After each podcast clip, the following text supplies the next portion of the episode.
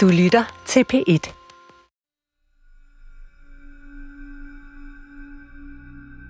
Okay, jeg ved godt, at Eva og jeg skal skrive den her juletale.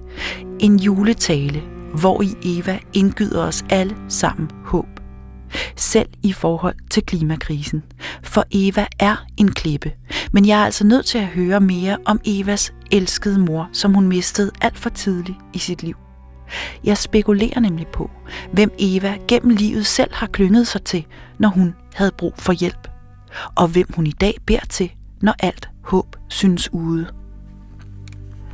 Altså, øhm, jeg mistede jo min mor, da jeg lige var fyldt 16 år, og det var, og jeg følte, at fra det ene splitsekund til det andet, blev jeg alene i verden. Det var, det var simpelthen så forfærdeligt, og jeg, jeg tænkte, at de må have taget fejl. Hun sover bare. Og den næste dag tog jeg ud på hospitalet, kan jeg huske, og skulle lige til at gå ind på min mors stue, så kom der en sygeplejerske og sagde, hun er der ikke mere, Eva. Som kendte os, lige, hun havde ligget på hospitalet længe. Ikke? Hun er der ikke mere, nu, nu er der en anden dame derinde. Men hvor er hun så, sagde jeg. Jamen, jeg ved ikke præcis, hvor hun er, sagde den der sygeplejerske. Du, du må gå hjem og snakke med din, med din far. Og så øhm, sendte hun mig hjem i en taxa, kan jeg huske. Men det var, det var som om lyset forsvandt, som om farverne forsvandt. Jeg kan huske, at der til begravelsen, så tænkte jeg, hvorfor er der så mange grå blomster? Tænk, der findes så mange grå blomster i verden. Og så hørte jeg en bag ved mig sige, gud, var den flot, den blå farve. Og så kiggede jeg, jeg kunne ikke se nogen blå farve nogen steder, kun til gråt og gråt og gråt. Mm. Øhm, og det jeg så trøstede mig med, det var, jeg har ikke set hende for sidste gang. Jeg kommer til at møde hende igen. På et eller andet tidspunkt kommer jeg til at møde hende igen. Ikke, jeg definerede det ikke nærmere for mig selv, men jeg trøstede mig med den tanke. Og jeg, øh, så blev jeg, fordi jeg nu, alle kunne se, at jeg tog det vældig voldsomt, så blev jeg sendt ud. Min, min øh, moster sørgede for, at jeg øh, kunne hjælpe til i en børnehave i, i øh, en måned eller lidt, måske eller anden, op imod jul i øvrigt. Øh, det, det, det hjalp jo med at få tankerne væk, og, og, øh, så det var lidt nemmere for mig at, at komme i skole. Men der var, der var aldrig nogen, der nævnte hende. Og jeg, i, i min søster er senere gået på sådan et sovekursus for, altså da hun var voksen, da hun var 50 eller sådan noget, og fortalte mig om det. Og jeg ved bare, at det ville jeg aldrig kunne gøre. Jeg ville aldrig, det endte jo med, at de alle sammen skulle skrive et brev til den, de nu havde mistet. Farvel, vi ses aldrig mere. Det ville jeg bare ikke kunne gøre. Altså, det kunne jeg ikke. Og jeg kan slet ikke, jeg ville slet ikke have brugt mig om at sidde i sådan en gruppe øh, som man gør i dag, hvor unge sidder og taler om, om, om, om deres sorg og sådan noget. Det virker sikkert for mange.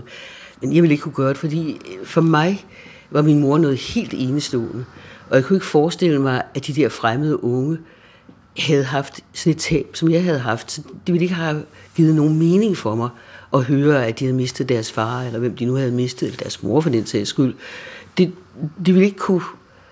Jeg ville slet ikke kunne, kunne relatere til det, fordi fordi jeg synes, mit tab var, var simpelthen så, øh, så forfærdeligt og så svært og så ubærligt. Vi snakkede heller aldrig om min mor hjemme. Øh, Hvordan kan det være? Altså min far havde jo nok i sin egen sorg. Han, jeg er ingen tvivl om, at min, min mor var hans livs kærlighed, og mm. han havde det så svært selv, så han havde ligesom ikke overskud til.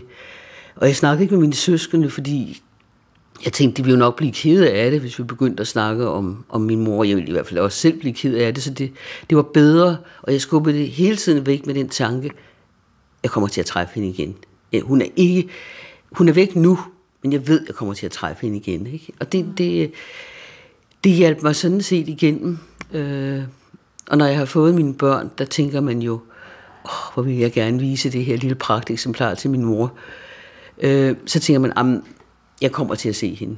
Øh, altså, det, det, øh, det er ikke slut. Jeg kommer til at se hende, jeg ved det. Så det er ligesom... Tænker du stadigvæk det?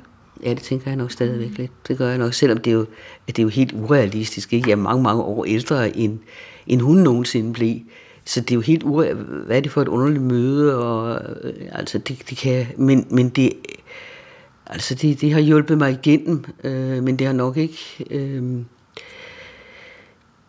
det er klart, det sår er der stadigvæk, uanset øh, den lange, lange, lange tid, der er gået. Mm. Øh, der var, der var flere i min forældre, øh, i, i, i øh, min mors generation, der døde af kræft. Altså da jeg var 21, der var jeg den ældste i min familie, som øh, den ældste kvinde i min, i min mors familie. De andre var alle sammen døde af kræft. Og jeg kan huske, at jeg tænkte, at jeg bliver ikke mere end 50 år gammel, aller, aller højst. Øh, men det har jeg jo så glemt lidt på vejen, for ellers skulle jeg jo ikke have fået min sidste datter, da jeg var 34, fordi så skulle hun jo til at opleve det samme, som jeg havde oplevet. Ikke? Så det... Øh, det øh, men jeg tænkte det dengang. Jeg var ret sikker på det dengang, fordi de, sådan er det jo gået for alle de andre. Ikke? De, de er jo alle sammen døde af kræft, øh, inden de blev 50. Så. Øh, Eva, altså, øh, når alt så ser meget håbløst ud, og, øh, og det vi mennesker kan gøre for at skabe øh, en fremtid, ikke ser ud til at virke, er du så sådan en, som vender blikket mod Gud, mod det høje, efter håb? Nej, altså jeg, jeg tror, at den eneste måde, man kan løse det her på, øh, de, altså, jeg, jeg retter heller blikket mod teknologien og, øh, og tænker, at det kan være, at nogen kan finde det. Man finder jo hele tiden på nye ting. Nu kan man fange CO2'et og gemme det og så videre, så videre. Ikke? Der, der er masser af, af, af, af idéer fremme, ikke? så jeg tror egentlig mere på, jeg, jeg tror på videnskaben. Jeg tror ikke et sekund på, at, at der er en, øh, en Gud deroppe, der, der, kan, der kan hjælpe os, øh, fordi øh, ellers havde han vel grebet ind for længe siden. Mm. Men, men øh, det er klart, at... Øh, øh, har, har du aldrig gjort det, heller ikke da du var en, en lille pige? Jeg har jeg, jeg er jo konfirmeret, mm. og jeg husker det sådan, at på det tidspunkt troede jeg, troede jeg på Gud. Øhm, og jeg, jeg har faktisk også, efter jeg er blevet voksen, eller i hvert fald ung, øhm, selvom jeg ikke troede på Gud, så har jeg faktisk bedt til Gud et par gange, no. når jeg kom i en situation, hvor, jeg, hvor jeg, der ligesom ikke var andre, der kunne hjælpe mig. Og, og første gang var, da jeg var ude at rejse med min, øh, med min søster. Hun var, jeg var 22, og hun var jeg tror, hun fyldte 20. Ja, hun fyldte faktisk 20, da vi var i Istanbul, som var en af de første byer, vi kom til. Og der traf hun så en ung mand, en anden øh, rejsende, en Schweizer, øh, og blev forelsket i ham, og vi gik så rundt i Istanbul sammen, og så en aften, så sagde, så sagde han, Jan der, Inger og jeg vil egentlig gerne ud sammen her i aften. Så det synes jeg er fint. Jeg bliver bare hjemme. Gå I ud, og, og, og, og mor jeg ikke, fordi jeg var jo lidt sådan 5. jul på en vogn. Og så gik de, og så øh, faldt jeg i søvn, det var 10 tiden, og så vågnede jeg klokken 1, og så var hun ikke kommet hjem. Og jeg gik ned til den der portier, der var, og sagde, hvad kan jeg... Han siger, men Island, Istanbul er kæmpestort, du kan ikke ud og lede efter dem, du vil ikke ane, hvor du skulle gå hen, det kan også være farligt her om natten, og sådan noget. Farligt om natten, tænkte jeg ikke, og de der to, og de kan jo blive overfaldet, og de, kan, de har jo ingen mulighed, hvis der kommer sådan flere folk og overfalder dem for at få deres penge eller et eller andet andet. Og jeg blev mere og mere nervøs, og der kan jeg huske, at der bad jeg til Gud om, at, at de måtte komme hjem, øh, velbeholdende hjem, og det gjorde de også. Og der er en gang til. Så, så det virkede? Ja, det kan man sige. Det kan man sige, det virkede. Jeg har faktisk gjort det en gang til. Ja. I næsten samme situation, hvor, vi var, hvor Ida var med os i øh, Bangkok. Og så var vi i et supermarked en dag, hvor der var mange, mange, mange ting, hun gerne ville have. Og da vi havde gået rundt i 3-4 timer, så sagde Ola, ja, nu tager vi altså hjem på hotellet. Men du skal tage en taxa hjem, når du skal hjem. Du skal ikke tage en af de der tuk-tukker. Du skal tage en taxa. Der står en mand dernede, der, der sørger for, at, at man kan få en taxa. Nej, men det skulle hun nok. Øh, og så tog vi hjem og hvilede os, og da det så nærmede sig spisetid, så tænkte vi, hvor, hvor bliver hun egentlig af? Og så blev jeg altså øh, meget, meget bekymret, og Ole tog en taxa ud til det der sted og prøvede, og det var stadigvæk åbent, men han kunne jo ikke finde hende, han kom tilbage igen, ikke? og jeg var, ja, altså, min datter der, og det var vores skyld, vi skulle være blevet sammen med hende. Hvad, hvad havde vi tænkt på at tage hjem og bare efterlade hende der? Så der kunne jeg heller ikke, jeg kunne ikke se andet, end at jeg, at jeg måtte bede Gud om at hjælpe os, og det gjorde jeg så. Mm. Og hun kom også hjem. Så man kan sige, så man kan sige det har virket. Øhm. Din, din personlige erfaring er, at det virker. Kunne du så ikke, øh, altså, kunne du ikke bede lidt mere, Eva, så, for os alle sammen? Øh, jo, men hvis jeg troede, det virkede, så, så øh, ville jeg jo nok gøre det, men jeg, jeg, jeg tror jo ikke, dybest set på, at det virker, men øh, jeg kan se, at når man kommer i en meget vanskelig situation i sit liv, så har man næsten ikke andet øh, at holde sig til.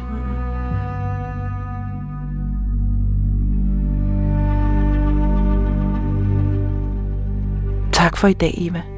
Uden at du ved det, tillader jeg mig at notere i vores stikord til talen, at hvis man ikke har bedre idéer i krisetid, så kan man bede til Gud, for måske virker det alligevel. Det har du jo en slags erfaring for, Eva, og jeg mener også at have hørt kloge præster sige, at det er uden betydning, om man tror på Gud, for Gud tror på dig. Jeg håber, de har ret. Vi ses i morgen.